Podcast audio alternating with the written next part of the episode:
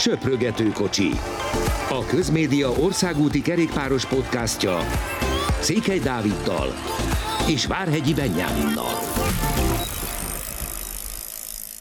Eskü megpróbáltuk, hogy Beri köszönjön be. A podcastünk neve Söprögető Kocsi. Sok szeretettel köszöntünk mindenkit. Ebben a külön kiadásban, hiszen péntekenként nem szoktunk jelentkezni, de elérkezett egy olyan hét és egy olyan időszak az országúti kerékpársportban, ami bőven megérdemli azt, hogy hetente akár több podcastben is beszéljünk róla. Most például a Giro d'Italia rajtja az, amire gondoltunk, hogy kicsit komolyabban is kitérünk. Ehhez képest annyi minden történt a héten, hogy gyakorlatilag, ha nem beszélnénk a Giroról, sem lenne túlságosan unalmas a következő 20 perc. Kezdjük például azzal, hogy az IF szerintem minden idők legcsúnyább mezét tudta összehozni. Neked erről, Beni, mi a véleményed? Ugyanez, én is szeretettel üdvözlöm a hallgatókat. Borzalmas ez a mez. Én nem, nem értem azt sem, hogy, hogy miért engedélyezik egyáltalán. Tehát ha megnézi az ember ott a hátul, ahol ugye a kerékpáros mezeken vannak a zsebek, ilyen pszichedelikus hatást kelt az egész, ami szerintem marha zavaró lesz egyébként majd a, mögö, a IF versenyzők mögött haladóknak. Lehet ez a taktika. És ez egyébként ez tényleg benne lehet, mert nem, de nem, tehát ez, ezt nem is értem. A Donald kocsával az elején furcsa. Minden esetre egynek mókás, de hogy, hogy jut eszébe, tudom, hogy van koncepció mögötte, de hogy jut eszébe bárkinek, hogy akkor egy ilyet csináljunk? Nem Mi tudom, lehet az az állapot? Valami, valami deszkás céggel, vagy nem is tudom, valami hasonlóval csinálták ezt a kollaborációt, és, és gondolom azért ott vannak eh, mondhatom ezt valóságtól elrugaszkodottabb ötletek. Bár az IF-nél alapból is vannak, ugye ez a rózsaszín kék mezük, ami az alapmezük, ez is azért egy elég észrevehető, elég rikító, de hát erre, erre kíváncsi leszek.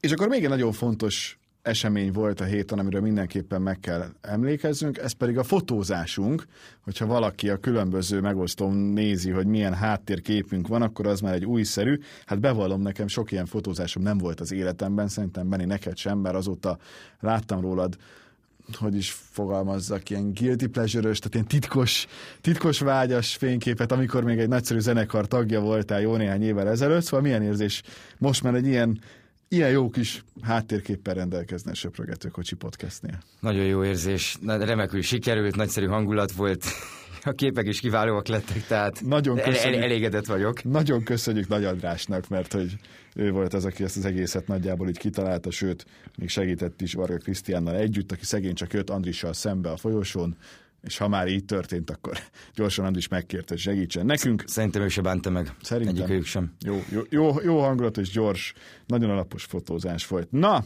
akkor viszont térjünk rá a komolyabb dolgokra is. Még mielőtt a Giro-ban nagyon belevágnánk, egy kicsit erről a Bing Bang Tourról is beszéljünk, mert hogy ez valami egészen döbbenetes, hogy azok után, ami történt a Tour de France-on, ahol tényleg Persze mondjuk azt, hogy azért nem feltétlenül tartotta be mindenki a járványügyi előírásokat, és a, a szociális távolságot sem feltétlenül tartotta be mindenki.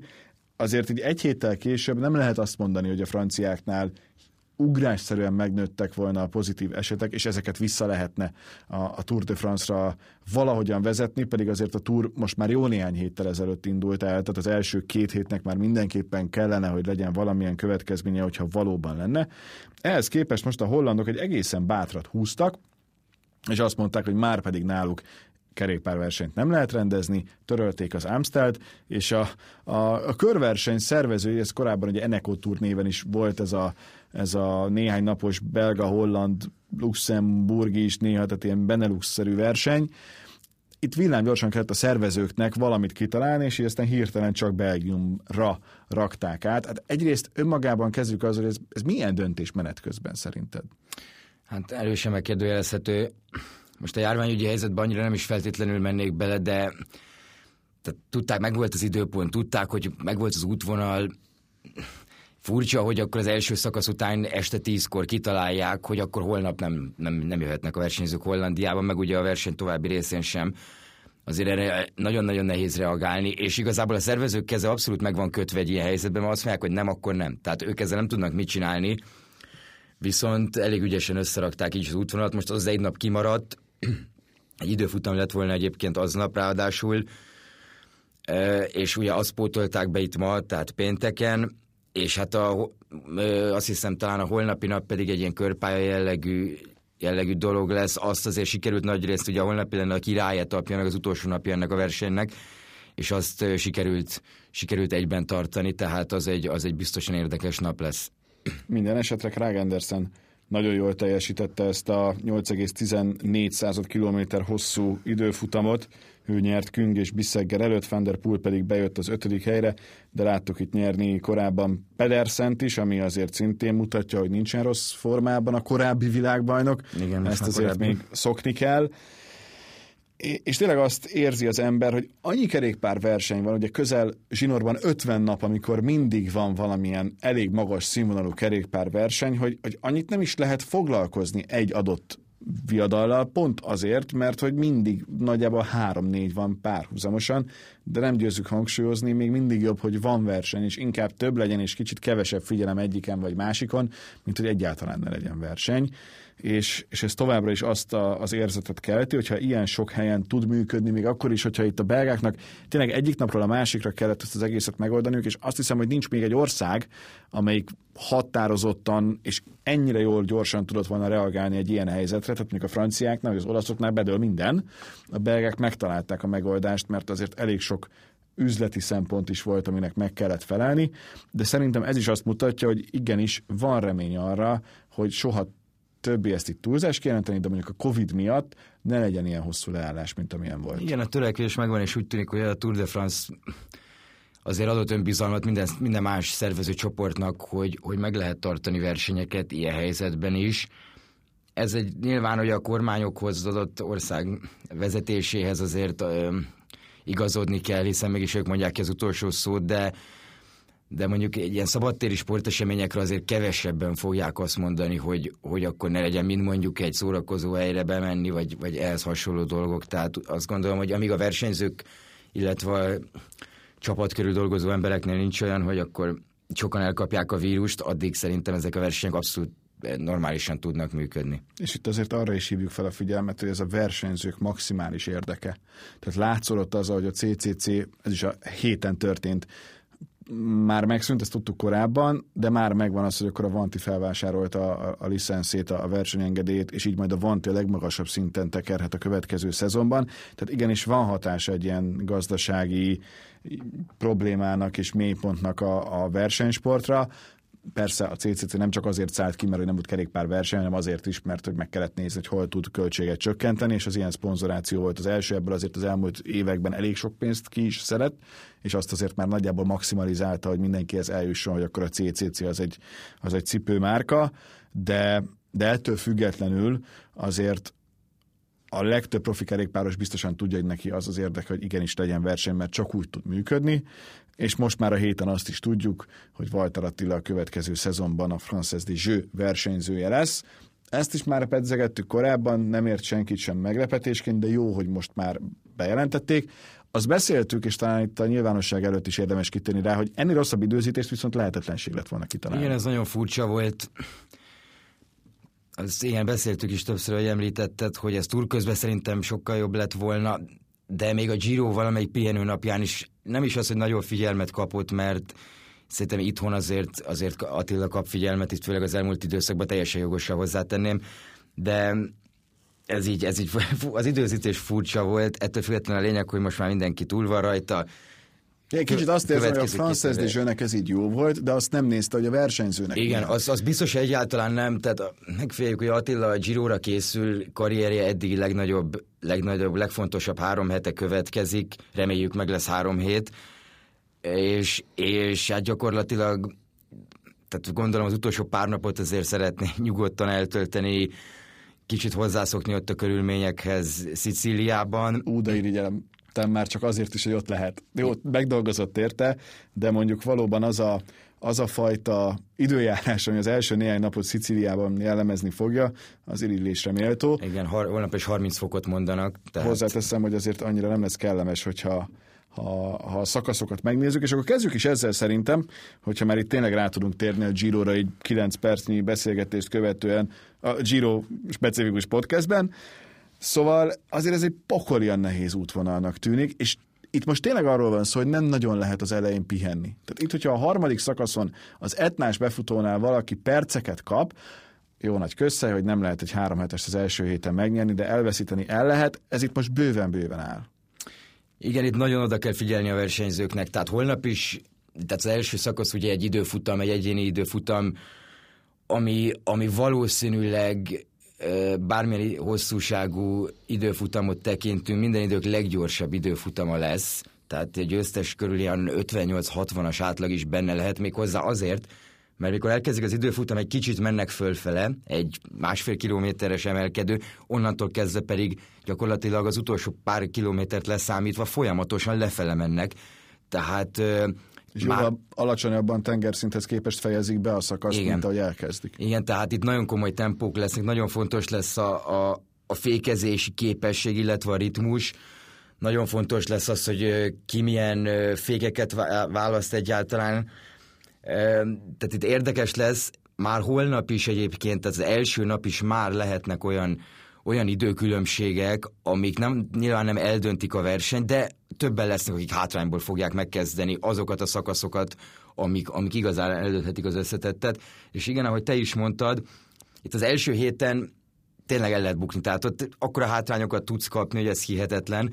Főleg, hogy a 14. kilométer, vagy a 14. szakasz is egy időfutam lesz, és onnantól jönnek majd a kemény hegyek, ahol egyébként nagyon-nagyon nagy hátrányból is meg lehet fordítani a Girot, mert az a harmadik hét az, az, az tényleg egyszerűen az extra. Tehát, hogyha minden sikerül megtartani az időjárástól függően, ott hogy rég, volt, rég volt szerintem három hetesnek ilyen hete, mint az.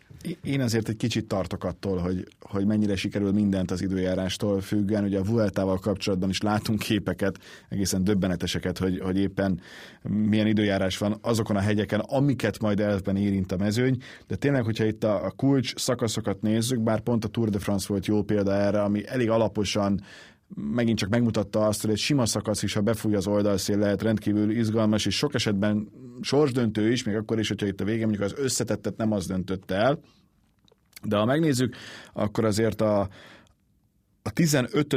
szakasz október 18-án az szintén egy olyan három plusz egy négy kőkemény hegyel és hegyi befutóval, Igen, ahol már lehet. Piancavallo szakasz, pontosan és ráadásul ez ugye egy idő, hosszú egyéni időfutam utáni másnap és a másik pihenőnap előtt. Tehát a, a Giro érdekes, mert az eleje és a vége brutális, és talán most a közepe az, ami picit ami kevésbé fog az összetette, összetettbe beleszólni. Itt jöhet el Attila ideje szerintem. Igen, mert nagyon sok olyan szakasz van, amikor ugye a Giro, az azért Nyilván, aki nézi a kerékpársportot, az tudja, hogy, hogy a Giro azért nem egy olyan verseny, mint a Tour, tehát nem egy olyan kontrollált verseny. Nincs olyan, hogy akkor egy csapat azt mondja, akkor most mi végig irányítani akarunk. Sokkal szabadabb az egésznek a hangulata, így versenyzői szempontból is ezt, ezt több helyen lehetett olvasni, és, és hát ezért sokkal több izgalom is van, úgymond. Tehát bőven lesznek olyan szakaszok, amikor, amikor egy szökevény csoport hazaérhet, vagy ami olyan versenyzőknek kedvez, akik nem az összetetre mennek, tehát ebből a szempontból Attilának igen, pont ezek a napok lehetnek majd jók. Nekem most szándékosan nem azt emelem ki, ami a, a mindenki számára a legfontosabb szakasz. Most mondhatom, hogy a San Daniele is milyen fontos a sonka miatt, de nem erről van szó, hanem arról, hogy az október 23-i pénteki etap, Morbenyó és Asti között, az aztán tényleg semmit nem rejt magában, de azért az olaszok csak betettek oda egy 253 km 253 kilométer, igen. Hát az tehát... majdnem olyan, mint a VB hosszúságot tekintve. Úgy, úgy, hogy az egész utolsó héten az időfutamot leszámítva van 5 szakasz az úton, és ebből 4 200 km fölött van. Tehát, és ugye végig hegyek kivéve ezt a napot, ami hát tényleg 7-8 óra. Igen. Tehát... És tegyük hozzá azt is, hogy hihetetlen fáradt lábak lehetnek. Ugye, hogyha a focit hozzuk példaként, ahol megengedik ebben a szezonban is az öt csere lehetőséget, most újra nagyjából mindenhol, hiszen annyira sűrűn jönnek a mérkőzések, hogy akár az a 20 perc, amivel kevesebbet játszik valaki a 90-hez képest, az rengeteget számít. Itt a versenyzők, amióta újraindult a komplet szezon, és itt tényleg arról beszélünk, hogy alig marad el meghatározó verseny. Alacsonyabb kategóriájú nagyon sok, de ilyen nagyon magas kategóriájú verseny alig marad el hullafáradtak lesznek, és betenni még ilyenkor ide egy ilyen 250 kilométeres szakaszt kettővel a vége előtt, úgyhogy előtte is az az október 22-i 18 is egészen brutális. Igen, Stelvio, azért... Stelvioval, hogyha, hogyha, felenk, hogyha fel tudnak oda menni hegyi emelkedő van, és aztán még ott van a Szestrieri befutós szakasz is, ami aztán szintén Elba és Szestrier között olyan, hogy, hogy ha csak az az egy etap van, már az is bőven, bőven kemény, mert ott azért egy Danielot csak megcsinálnak, ami 23,6 km hosszú, ugye ismerjük akár a túról is az Izoárt, ami szintén olyan, és a végén Sestrier, ami korábban Alpesi síben is fontos volt, hiszen volt ott világbajnokság is, de, de hát ez valami egészen, egészen hihetetlen, hogy, hogy egy ennyire durva Giro-t raktak össze. Neked mennyire tetszik az, hogy ilyen sok időfutam van benne? Kicsit ilyen, ilyen régi, régi módias ez az útvonal egyébként, így ezzel sok időfutammal. Nekem tetszik, mert, mert szerintem annak ellenére, hogy tényleg itt van ez a három időfutam, egyrészt ugye nagyon izgalmas lehet így, tehát még az utolsó napra is úgy mehetsz oda, hogy, hogy még változhat az összetett. Pont megmutatta legutóbb is, hogy az időfutam Igen. mennyit befolyásolhat. Tehát ez ebből a szempontból jó. Nyilván hát az esélyesek közül valószínűleg Geren Tomásznak tetszik a legjobban, tehát ő, ne, ő neki nagyon, ő nagyon komoly előnyöket szerezhet ezeken az időfutamokon, így, így összeadva időbe, tehát perceket, ak- akármelyik komoly rivális előtt. De, de azt mondom, hogy ez a verseny, látva, hogy mennyi hegy van, tehát tényleg 50 ezer méter fölött lesz az a, az a, az a szint, amit, az, megte- összszint, az összszint, amit megtesznek, tehát ez biztos, hogy hegyekbe fog eldőlni, mert ezek nem ilyen másodperces hegyek egy zsíron, tehát itt, mennyire itt percek érzed, lehetnek. Mennyire érzed azt, hogy mondjuk Tamás semmi más nem fog csinálni, csak teszi a kereket? Hát az útvonalból, hogy tényleg jól, jól jön neki össze, és tényleg nem lesznek bukások, nem lesz probléma az időjárással is meg tud küzdeni, akkor valószínűleg ez, le, ez lehet, mert a belegondolunk, mire megjönnek az igazán fontos hegyek, tehát ott tényleg a második hét végére, addigra azért neki valószínűleg az időfutamok miatt lesz előnye. És igazából tényleg védekező taktikát kell csinálnia, mert neki ott van még az utolsó nap is. Persze, még ott is dolgozhat a hátrányból. Tehát benne van, hogy ő védekező verseny. A többieknek viszont támadnia kell folyamatosan gyakorlatilag. Ki az, akit le kell győzni szerinted ezen a Giron, hogyha valaki meg akarja nyerni? Szerintem Ki Simon Yates az, aki, aki nagyon-nagyon jó formában van. Ez látszott a Tirrénón is. A hegyekben nagyon erős, azt tudjuk, hogy az egyik legjobb hegyi menő a világon, tehát viszont az időfutam neki egy, neki egy nagy lesz -e, tehát ez ő is elmondta, hogy, hogy nem, tehát ő sose lesz az, aki az időfutamon majd időt fog hozni másom, így összetett esélyesek közül. Tehát okosan kell, taktikusan kell versenyezniük, nem szabad azokat a hibákat megcsinálni, amiket két éve, amikor ugye nagyon látványos módon omlott ő össze, akkor Chris Froome megfordította, megfordította a versenyt, pont a Sestrier környékén. Ő lehet, uh, Vincenzo Nibali nyilván sose lehet leírni, de... Nekem, nekem ő idén nem... De kicsit nem olyan érzése van az embernek, mint Ricsi Portal kapcsolatban, hogy ez az utolsó lehetősége, tehát láttuk. Én azt mondom, hogy ő a dobogóra odaérhet, na azon nagyon meglepődnék, hogy, hogyha rózsaszintől el tudná vinni. És akkor megint ott tartunk, hogy van egy Jumbo-Visma Ineos csata, leginkább, bár a Mitchelton csapat szelleme és hangulata az mindig szerintem egy olyan plusz, ami, ami sok együttesnél nincs meg, de a Mitcheltonnál biztos, hogy megvan. De ez az Ineos, ez nekem, nekem most egy, egy fokkal azért kvázi ijesztőbb, tehát erősebbnek tűnik, mint amilyen a, a Jumbo. Ott ugye Kruszvájk az első számú ember, tudja azért mondjuk Tony Martin is húzni úgy a sort, ahogy kell, de mondjuk Martin esetében bőven felvetődik az, amiről beszéltünk, hogy mennyire fáradtak jelenleg ezek a versenyzők. Igen, tehát ő, ott volt, végig, végig csinálta a túrt, tehát végig vitte gyakorlatilag az egész mezőnyt három héten keresztül.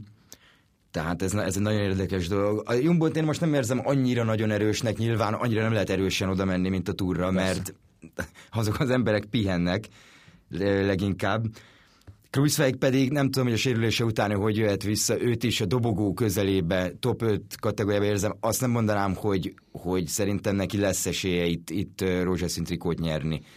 Igen, nekem, nekem önmagában, ugye, itt van Tomás, mint kvázi első számú ember. Tud tempót menni, Castroviejo vagy éppen Filippo Gánál, tehát az időfutam világbajnok is itt van ebben a csapatban, ami óriási segítség lehet, és tényleg az van, hogy minden egyes kilométerre minden csapatnak nagyon ébernek kell lenni annak érdekében, hogy az Ineos ne húzzon valami olyan váratlant, amire majd a többieknek nem lesz semmilyen válaszuk, de hát azért Puccio, Swift, ez egy Rowan Dennis, ez egy borzasztóan erős igen, nagyon azért itt minden, minden területen megvan Tomásznak a segítője, ugye itt a magas hegyekben inkább Theo Gegenhardt lesz, aki nagyon sokat tud neki segíteni, de mondjuk ezeken a szűk olasz utcákon, meg ugye ismerjük az olasz, olasz területeket, azért itt teljesen, teljesen máshogy néz ki, tehát nagyon-nagyon fontos lesz a helyezkedés, valószínűleg így, hogy október van, elég sokszor lesz eső, hideg, és azért ilyen szél, és egy ilyenkor azért egy 90 kilós Ganna mögé beállni, az azért elég nagy biztonságot tud, tud nyújtani az embernek. De lehetetlen pont emiatt megmondani azt, hogy mi lesz, és ezért nagyon jó, hogy ez egy szabadtéri sportág,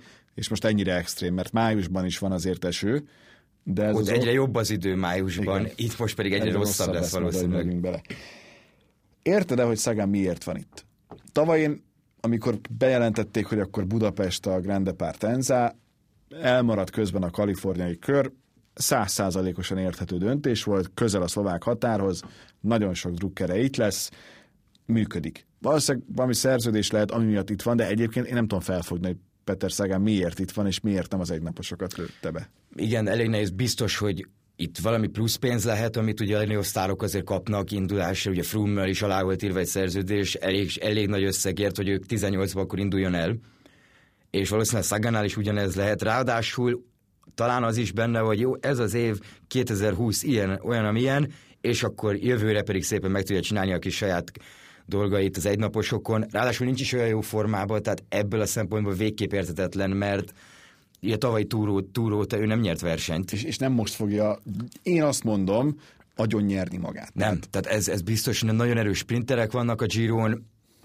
nehéz, nagyon nehéz elképzelni, és, és hát egy egész túrt megcsinált, ráadásul a Bora marha sokat vezetett elől azon a túron. Ugye a zöld trikóért nagyon sokat küzdöttek, tehát nem tudom mennyi erő lesz Szagánban. Itt az első pár nap, meg az első héten azért lesznek lehetőségei. Azon meglepődnék egyébként, hogyha, hogyha mondjuk nincs ott a ciklámen trikó közelébe, akkor ő azt a harmadik hetet megcsinálná, és nem azt mondaná a második pihenőnap, hogy akkor Hú, ő, elköszön, mert az, az, az tényleg durva, tehát az nekik túlélésről fog szólni. Végezetül a 68-as rajtszám Walter Attilái, mennyit látjuk elől szerinted? Szerintem azért fogjuk. Szerintem bőven. Tehát én azt mondom, hogy nem egy nap lesz, amikor összökni fog. Szerintem, amiről a múltkor is beszéltünk, hogy ő nem hiszem, hogy azt fogja csinálni, hogy akkor beáll a, beáll a hegyeken, és akkor amikor leszakad, leszakad. Akkor inkább megy és versenyez. És én, én nagyon bízom, mondom, egy szakasz győzelemben tőle, ami, ami hát tényleg álomszerű lenne. Nagyon fogjuk figyelni. Szerintem, hogyha mindenki csak annyit ír neki mostanság, hogy hajrá Ati a Twitter oldalán, akkor az jól fog neki esni. Figyeljük, jó lesz újra úgy átélni egy ilyen három hetest, hogy van magyar honfitársunk, akiért szurkolhatunk, meg is tesszük, hétfőn pedig jövünk, és az első néhány szakaszt már össze is foglaljuk. Köszönjük a mostani figyelmet, sziasztok! Jó Köszönjük szépen, sziasztok!